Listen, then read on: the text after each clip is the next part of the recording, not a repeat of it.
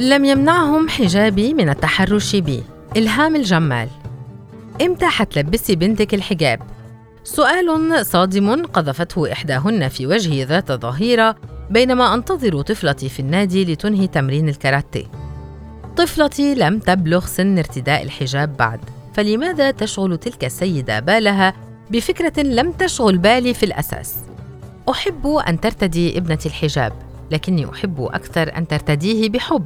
ليس فقط انصياعا لأمر أو استجابة لنصيحة. رغم امتناعي عن الرد ومحاولتي تجاهل السؤال لإيصال رسالة غير مباشرة لها بعدم التدخل في أمور خاصة لم تنتظر مني إجابة وواصلت حديثها بحماس. كما لو أنها قد أخذت على عاتقها هدايتي من المعاصي التي اقترفتها يوميا لتفوز هي بالجنة. صبت في أذني عبارات إنشائية محفوظة ومكررة عن فضل الحجاب وأهميته في عفة الفتاة المسلمة والشاب المسلم على حد سواء.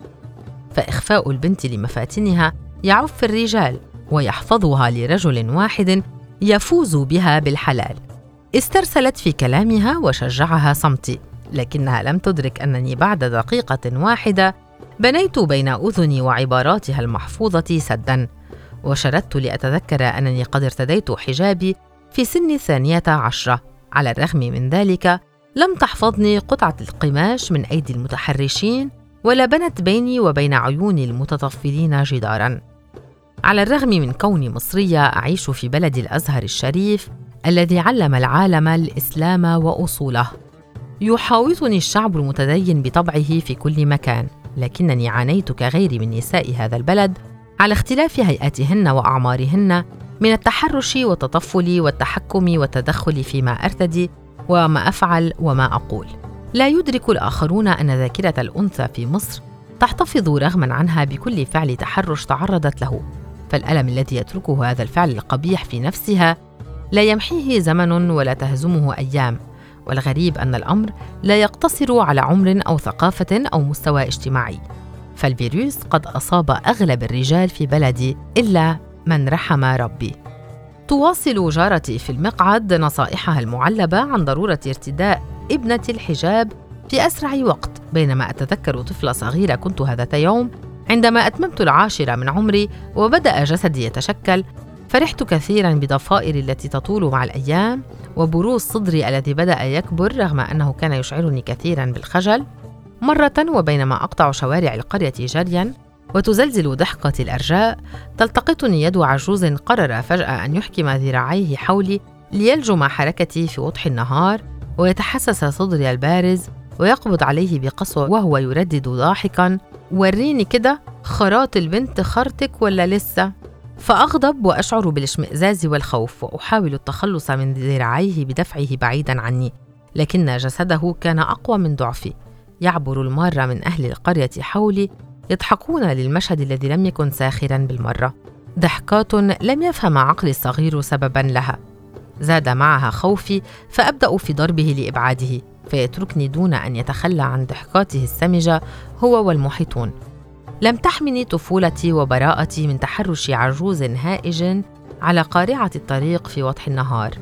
لم ينتبه أحد لألمي بل نصحوا أمي بأن تلبسني الحجاب كي لا يثير صدري عجوزا مسكين آخر لكنها لم تفعل إلا حين أتى أمر ربي.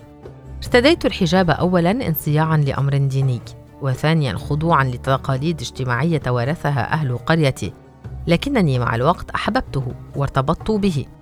ليس لأنه يحجب العيون عني كما تقول جارتي في المقعد بحديقة النادي الرياضي والتي راحت تواصل درسها الديني كما لو أنها تقف على منبر مسجد تخطب في العامة لكنني وقعت في غرام حجابي بلا سبب فالحب المرتبط بسبب يزول بزوال السبب كما قال أحدهم.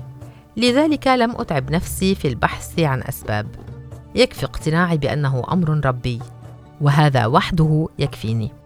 في الجامعة وابتعادي عن قرية ضيقة الفكر والمساحة تصورت أنني سوف أتعامل مع بشر مختلفين يقدرون المراه ويحترمون حريتها. محجبة كانت أو لا. بشر يؤمنون بأن المرأة كائن حر مستقل بذاته كامل الأهلية قادر أن يقرر القبول أو الرفض القرب أو البعد إعلان الحب أو الحرب. لكن للأسف لم أجد ما تصورته فالغالبية ينظرون للمرأة على أنها جسد وملامح لا عقل ولا روح. فحجابي وثيابي الفضفاضة لم تمنع أحدهم من الالتصاق بي في وسيلة مواصلات العامة متعللا بشدة الزحام. لم تمنع يد أحدهم من التسلل مؤخرتي فجأة بينما أقف في طابور العيش أنتظر دوري لأفوز ببعض أرغفة. لم تمنع آخر من التربص بي في طرقات مترو الأنفاق ذات صباح وفي وضح النهار ليريني فجأة عضوه دون سابق إنذار. لأموت رعبا في لحظة أكرهها لكنني لم أستطع حتى الآن أن أمحيها من ذاكرتي.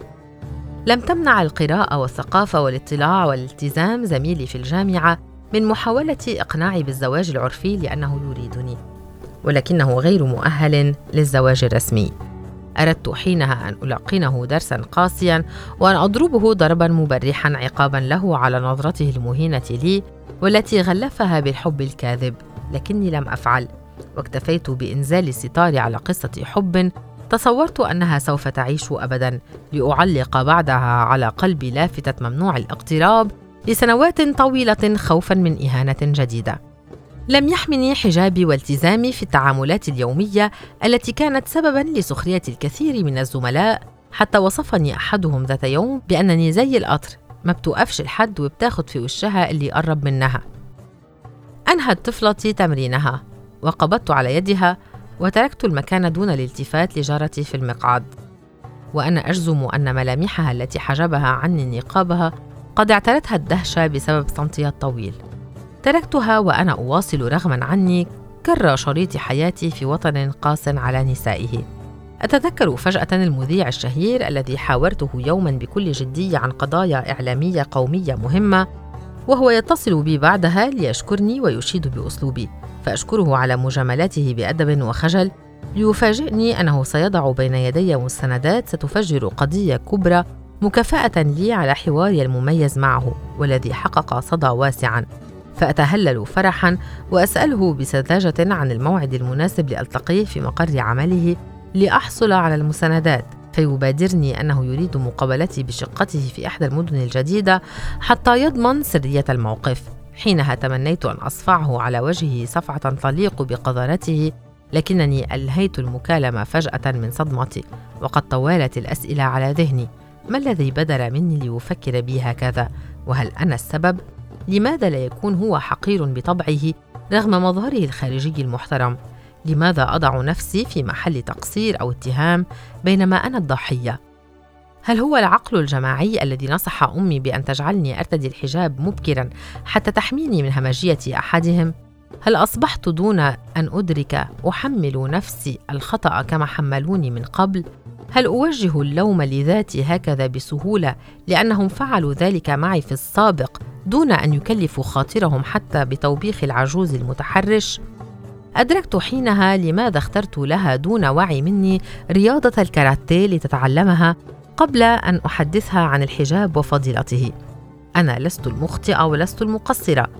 هم من يخبئون بداخلهم نفوسا مريضة وعقولا خاوية. فابنتي لن تكون مسؤولة يوما عن جرائم أحدهم. لن تدفع ثمنا من حريتها وأمنها لأن أحدهم يخشى على نفسه من الفتنة. سوف ترتدي الحجاب في الوقت الذي يختاره الله لها ولن ترتديه إلا إذا أحبته وارتبطت به. لن ترتديه لتختبئ خلفه من أعين نهمة سوف تنهشها حتى لو ارتدت خيمة. لذلك علمت ابنتي الدفاع عن نفسها منذ نعومة أظافرها. أردت أن أحميها من ألم العجز الذي شعرت به عشرات المرات أمام كل متحرش قرر فجأة أن يعترض طريقي أو يلمس جسدي رغما عني. قررت الا تتذوق مرارة الضعف ووجع الحيرة والانجراف في دوامة أسئلة لا تنتهي. قررت الا تصبح ابنتي ضحية لشهوات غيرها والا تدفع ثمنا لضعف غيرها والا تقبل تعدي أحد على جسدها. وإن فعل في غفلة منه لقنته درسا قاسيا لا ينساه ابدا.